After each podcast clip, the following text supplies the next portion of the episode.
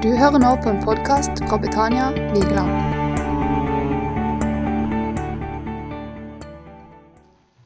I forberedelsen til i dag så så, så eh, skjedde det noe litt sånn uvanlig. Eh, jeg eh, Ofte når vi møtes og snakker sammen med Jesus, og når vi, vi kommer på gudstjenester, vi kommer på møter, og vi, vi søker Jesus for at han skal gi oss svar Og Jesus gir mange svar i evangeliene. Men noen ganger så stiller Jesus spørsmål. Og Derfor så skal jeg gjøre noe som jeg aldri har gjort før i dag. Dette er litt spennende. Jeg synes det er kjempespennende. Ofte når jeg taler, så er, så er, måte, så har jeg en tekst og jeg har et budskap og jeg har en, en sterk formidling. Men i dag så skal jeg ta et lite steg tilbake. Og så skal jeg la Jesus få stille noen spørsmål. Alle de spørsmålene som kommer opp her på skjermen, er spørsmål som Jesus stiller i evangeliene. Eh, så sånn som vi skal gjøre det i dag, så kommer et spørsmål opp. Eh, og så kommer, skal jeg være stille i 30 sekunder. Og skal jeg la det spørsmålet treffe deg. Jesus stiller spørsmål, og så kan du få kjenne hva gjør dette spørsmålet med meg. Jesus stiller noen spørsmål. Av og til stiller Jesus retoriske spørsmål. Spørsmål som er som han stiller for å, eh, for å vise at nei, det, det, er jo ikke sånn som det spørsmålet du stiller. Eller ja, selvfølgelig. Eh, og Noen ganger så stiller han noen ransakende spørsmål. Så det er det som kommer til å skje i dag. Jeg, er litt spent sjøl på hva Jesus kommer til å gjøre. For jeg tror Jesus er her. Og jeg tror Jesus stiller disse spørsmålene til deg i dag. Er dere klar? Vi ta det første. Dette er egentlig en liten vits. Jeg satte det opp som en liten spøk. Dere har lov å le. Ikke alltid Jesus stiller alvorlige spørsmål. Selv om akkurat dette spørsmålet er jo kjempeviktig, for dette er tatt rett etter at Jesus har stått opp fra de døde. Så ber han De tror ikke at han er fysisk til stede. De tror at de ser en ånd eller et spøkelse, og han ber har dere noe å spise her. Sånn at dere kan se at jeg har faktisk stått opp fra de døde. Og i århundrene etter at uh, Jesus sto opp, så ble dette bibelverset kanskje det bibelverset som hamrer ned det faktum og den sannheten at Jesus Kristus har faktisk stått opp. Han er ikke en idé, det er ikke en åndelig oppstandelse, det er en fysisk, faktisk oppstandelse. Det er et veldig viktig bibelvers. Men akkurat her satte jeg det opp for at det skulle være en liten vits. Har dere noe å spise her? Jeg skal være litt mer seriøse nå. Vi tar neste. Hva vil dere at jeg skal gjøre for dere? Jesus kom ikke for å la seg tjene, men for sjøl å tjene. Og han kom for å fylle våre behov. I denne teksten, så, i Matteus 20, 32, så er det to blinde menn som kommer til Jesus. De ber han om om å miskunne seg over ham. De har behov, og Jesus spør dem, hva vil dere at jeg skal gjøre for dere? Og de svarer at, jeg, at vi må få syn igjen. Og så helbreder han dem. Jeg vet ikke hva behov du har, men Jesus er her for å møte dine behov i dag. Om du har fysiske utfordringer, om du har psykiske utfordringer, om du har økonomiske utfordringer Jesus er her for å møte dine behov. Vi tar neste. Tror dere at jeg kan gjøre dette?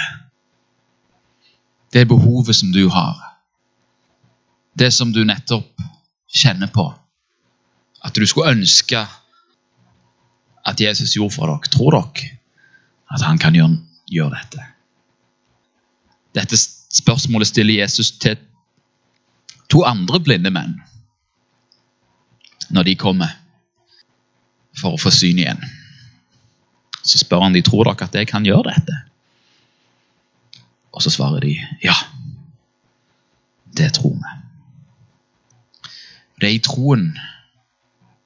Det er troen på at han er den han er, og at han faktisk kan gjøre noe med det. Det er da det, er da det skjer. Det er når vi slipper ansvaret, løfter det over på han. Det er da det kan skje. Jesus sier i vers 29, eh, etter at de har sagt 'Ja, Herre', så sa han 'Det skjer dere etter deres tro'. De trodde, og det skjedde. Hvis du tror at Jesus vil fylle ditt behov, så kommer han til å fylle ditt behov. Så betyr ikke det at hvis det ikke skjer med en gang, så betyr det at du ikke tror nok. Det er ikke sånn. Det er ikke den følelsen jeg vil gi folk. Men vi kan sette vår tillit til Jesus, og så vil han gjøre sitt verk i deg. Hva mer har Jesus å spørre oss om? Hva er du redd for?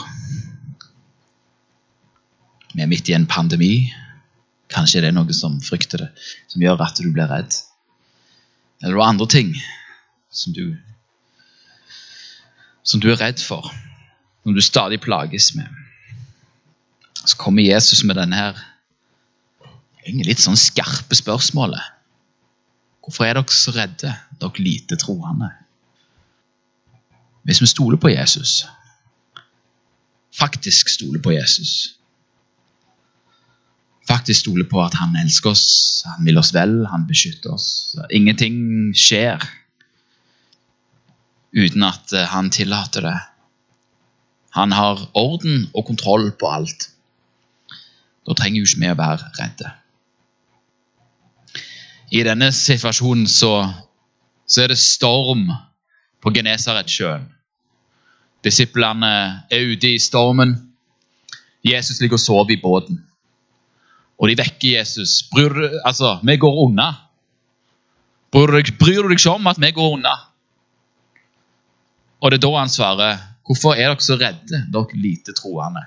Og så truer han vinden, og så legger vinden seg. Og det er fordi vi sang Altså, Jesus er stor. vi sang det. Du er stor. Du gjør store under. Tror vi det? At Jesus er sterkere enn koronakrisen? Tror vi det at eh, Jesus er i stand til å bevare sitt folk? Tror vi at Jesus har kontrollen? Eller lar vi frykten handle med frykt og affekt? Jesus kaller disiplene sine for lite troende. Av og til så er vi lite troende. Så er det greit å bare innrømme det. Hvis du er redd, så det er helt greit. Innrøm det. Men inviter Jesus inn, da.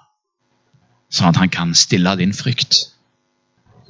Jesus har ikke kommet for å straffe oss for at man lite tro, men han har kommet for å gi oss tro. Jesus har ikke kommet for å belære oss fordi vi er redde, men han kom for å stille vår frykt. Frykt er ikke kjærligheten, står det, sier Johannes i 1. Johannes brev. Men den fullkomne kjærligheten driver frykten ut. Når du vet hvor høyt Jesus elsker deg, når du vet hvor lidenskapelig opptatt han er av deg, så frykter du ingenting. For du vet at du er i Herrens hender. Vi får ikke kontroll over omstendighetene våre, gjør vi vel? Plutselig så skjer det ting. Vi har ikke styring, men han har. Han har. Neste. Det er fullt forståelig at vi er bekymra for ting. Bekymring griper tak i oss. Tar tak i livene våre. Men det er ikke særlig nyttig. Igjen så handler dette om tillit til Jesus. Tillit til Gud. Hvis jeg har gitt mitt liv til Jesus, hvis jeg kaller Jesus for min herre, og jeg vet at han har kontroll, hvorfor er jeg da likevel bekymra? Tror jeg ikke at han egentlig har kontroll? Tror jeg ikke at han vil meg vel? Tror jeg ikke at det Jesus har gjort, holder gjennom døden? Ofte så må jeg minne meg sjøl på Spesielt hvis jeg er sykt stressa. Jeg kan bli stressa. Jeg var litt stressa når jeg kjørte nedover her på fredag. For vi var litt seint ute, og jeg skulle tale på Tweens klokka seks. Jeg kom for seint. Ble bekymra, stressa, kanskje til og med hissige fordi jeg kom for seint. Det er jo kjempekrise at jeg kom for seint. Sant? Det, det, det er jo totalt krise, er det ikke det? Eller er det det? Når alt skal summeres opp til syvende og sist, er det det at jeg kom for seint. Jeg kom ti over seks på den fredagen. Er, er det den store Altså Ofte så legger vi så mye vekt på, og vi, vi, vi tillegger så stor verdi ting som ikke er så viktige. Hva ting er viktige til syvende og sist? Ja, jeg kom litt for seint. Skjedde ingenting. Jeg gikk helt perfekt. Møtet hadde begynt akkurat på den måten. Jeg glei inn opp på scenen. Kom nesten inn døra, og så gikk jeg rett opp på scenen. Perfect timing. Men jeg hadde stått og stampa i den køen da, og vært hissig og irritabel. Bekymring. Stjeler glede. Stjeler energi. Hvorfor skjer det? Jo, det er fordi vi prøver å få kontroll på tilværelsen. Men jeg har ikke kontrollen på køen fra Stavanger til Kristiansand. Det er utenfor min kontroll. Sant? Så kan jeg heller bare leve da, i den. Istedenfor å bare kose meg på E39 og si at ja, ja, så gikk det sånn det gikk. Og ikke bry meg så mye mer med det. Så blir du irritert, fordi du prøver å få kontroll på omgivelsene. Er det noen som kjenner seg igjen i dette? Ja. Han blir fryktelig stressa, han kommer ikke på møte på tida. Akkurat som om Jesus står med stoppeklokka. Det som skjer, det skjer. Ikke vær bekymra. Jesus har kontrollen. Ja, han har det. Jesus har noen andre ord. Au. Sånn kjenner i hvert fall jeg dette her ordet av og til. Sånn har det talt til meg. Har vi kalt Jesus Herre, så må vi òg gjøre det han sier. Hvis han skal bestemme i mitt liv, så må jeg faktisk gjøre det han sier. Hvis ikke så bestemmer ikke Jesus i mitt liv. Og da kan jeg ikke kalle han Herre. Av og til så utfordrer Jesus deg på ting. Av og til så sier han at du skal gå i en bestemt retning. Av og til så er vi veldig gira på å gå i en retning, og så sier Jesus at du skal sette deg ned og vente.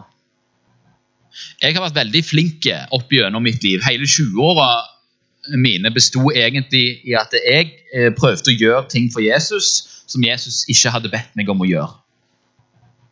Hver gang jeg spurte, for jeg hadde masse talenter, sant? og jeg hadde lyst til å um, jeg hadde lyst til å bli stor. Det var jo liksom det som var greia. Enten stor forkynner, eller stor forfatter eller stor artist. Uansett hva det var, så skulle det i hvert fall være stort. Jeg hadde ambisjoner. Jeg hadde talenter. Jeg hadde pågangsmot. Kjørte på og kjørte hodet i veggen. Hver gang jeg spurte Jesus, og jeg var frustrert Hvilken av disse tre drømmene som jeg har, ønsker du å velsigne? Fikk ingen svar. Ja, Men hva vil du jeg skal gjøre, da? Jeg vil at du skal være med meg. Det var det eneste svaret jeg fikk. Jeg vil at du skal være med meg. Jeg vil at du skal være med meg. Mens andre ganger så har Gud bedt meg om å gjøre noe, og så passet det ikke helt. Så har jeg krangla litt sånn med Gud. Ja, dette er jo helt Ja, men så er det akkurat da det har skjedd noe. Jeg skal gi dere to eksempler fra når Den hellige ånd minner deg om noe. Den ene gang var på videregående. Da hadde jeg en rutine på morgenen at jeg pleide å gå til en bestemt plass for å be før jeg kom eh, på skolen. Fordi jeg hadde bodde på Tau, som da er Nå har vi jo fått tunnel, men det var det ikke den tida. Så vi måtte ta hurtigbåt til Stavanger Skolen begynte åtte. Jeg satt på med pappa, for han tok en tidlig hurtigbåt. Jeg var i Stavanger fem over sju, så da har jeg én time å slå i hjel før skolen begynner. Den brukte jeg 20 minutter på til å be. Fantastisk. Så det var min daglige rutine. Og så var det en dag der jeg kjente meg litt sånn uggen i halsen. Og så tenkte jeg ah, i dag så er jeg syk. Og så fikk jeg ikke fred for at jeg skulle være syk. Det var liksom den der stemmen som sier Thomas, du er ikke syk. Så jeg gjør sånne teite ting. Jeg, jeg fant på noen terninger. Så hvis jeg får en sekser, så skal jeg være hjemme. Haha. Så fikk jeg det. Yes! Nå skal jeg være hjemme. Men eh, Gud benytter seg ikke av terninger. Så jeg fikk ikke fred. Jeg fikk ikke fred for at jeg skulle være syk. Nei vel, jeg var litt seint ute, men jeg gikk i dusjen. og jeg gikk, ja, tenkte ikke så mye mer på det. Går da til mitt faste bønneplass, og så er jeg da på vei til skolen. Og så står det to mennesker der. To menn. De er, de er rusmisbrukere. Og de skjelver i abstinenser. De skjelver. Og jeg spør Jeg spør de, eh, kan, jeg, kan jeg gjøre noe for dere. Jeg skjønte da hvorfor jeg var der. Kan jeg gjøre noe for dere? Ja, de, de lurte på om jeg kunne kommet med noe kaffe og noe sjokolade. Så jeg sprang ned på 7-Eleven. Så kjøpte jeg kaffe og sjokolade til dem. Og så spør han ene meg Er du en sånn Kristusperson, du, eller? Og så sier jeg jeg er kristen, sier jeg. Kan jeg få lov til å be for deg? Spørs, så var hans bønn om at han, han ville ikke at Gud skulle være sint på ham. Så fikk jeg lov til å legge hendene på ham. Så fikk jeg lov til å be for ham. Og så fikk han fred. I hvert fall akkurat der og da. Jeg ville være hjemme den dagen. Men den dagen så ville Gud bruke meg for å vise sitt nærvær. Jeg har tenkt på det spørsmålet. Er du en sånn Kristus? Nei, jeg er bare et menneske. Men samtidig så bærer jeg Kristus. Du vet, vi, Jesus bor i oss. Så når vi møter mennesker, så møter de Jesus.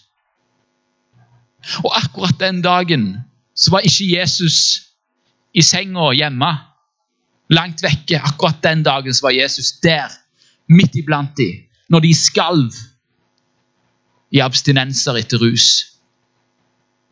Akkurat den dagen. En annen gang var midt i 20-åra, mens jeg var student, midt imens jeg holder på uh, å gjøre min egen vei. Som betyr ikke at Jesus ikke kan bruke oss. Jeg uh, studerte. Jeg er på vei uh, hjem. Og fordi jeg er litt sånn sosete i hodet av og til, litt distré, så gikk jeg feil. Jeg skulle gått rett fram og ut døra, men så gikk jeg ned av gammel vane. Og det, mens jeg var på vei ned trappa, tenkte jeg ja, jeg kan gå inn i dette kapellet som er rett her, og spille litt piano, for det pleide jeg å gjøre av og til. Uh, og så kom jeg på nei, nei, det gjør jeg ikke. Jeg har en klesvask som venter hjemme. Må ting, jeg må komme meg hjem. Så jeg uh, begynte liksom å gå opp trappa på andre sida for å gå ut den døra. Og så, når jeg, før jeg har kommet ned, så kommer Jesus og sier nei, gå inn i kapellet. Så sier jeg nei, nei, har ikke tid. For mange ting. Kommer ned. Thomas, gå inn i kapellet. Det er en tanke som kommer. at Jeg skal gå inn i kapellet. Jeg bare, nei, jeg har ikke tid. Jeg begynner å gå opp den andre trappa, og så kommer liksom tanken veldig sterkt. da. Thomas, gå inn i kapellet! Sier jeg. Ja vel, da. Jeg sier det nesten høyt. Tramper ned igjen.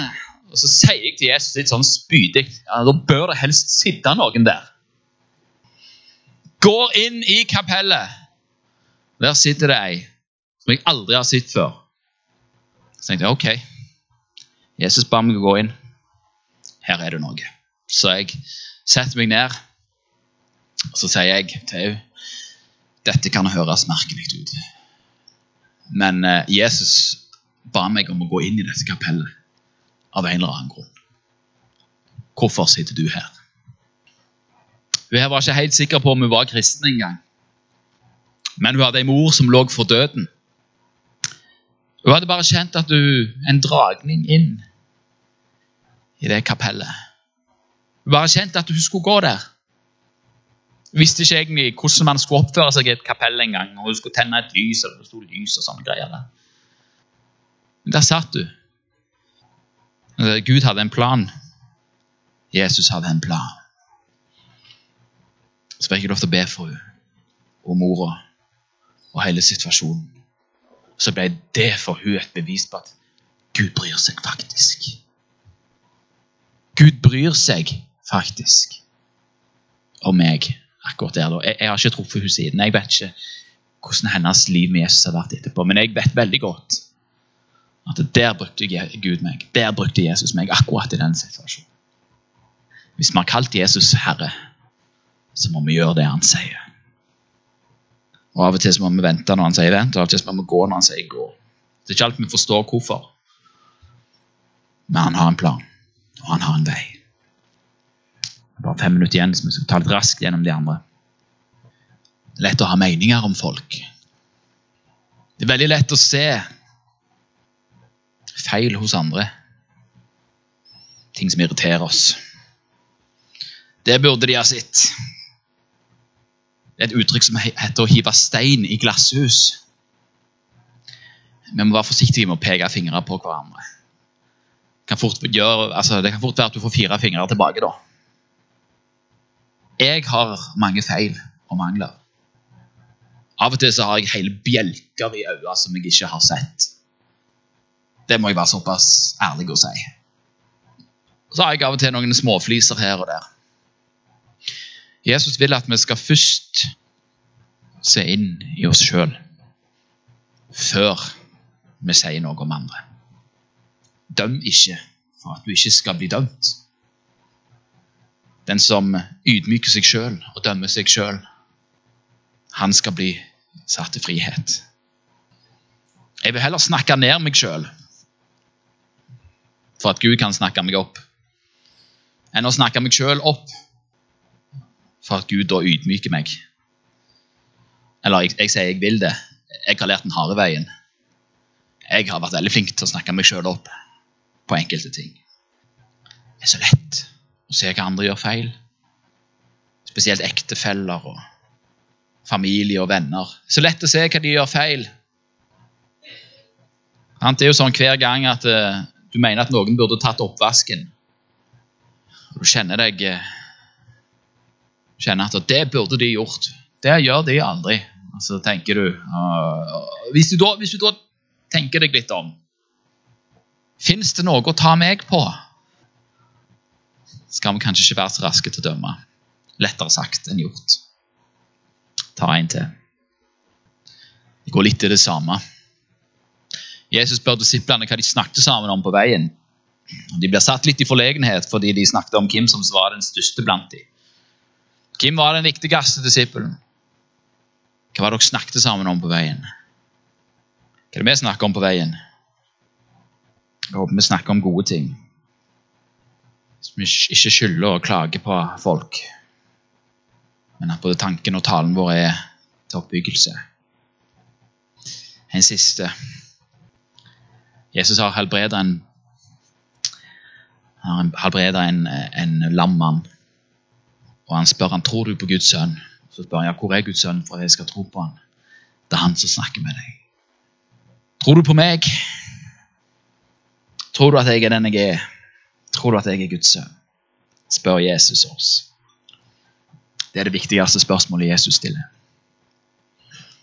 Tror vi at han er den han er?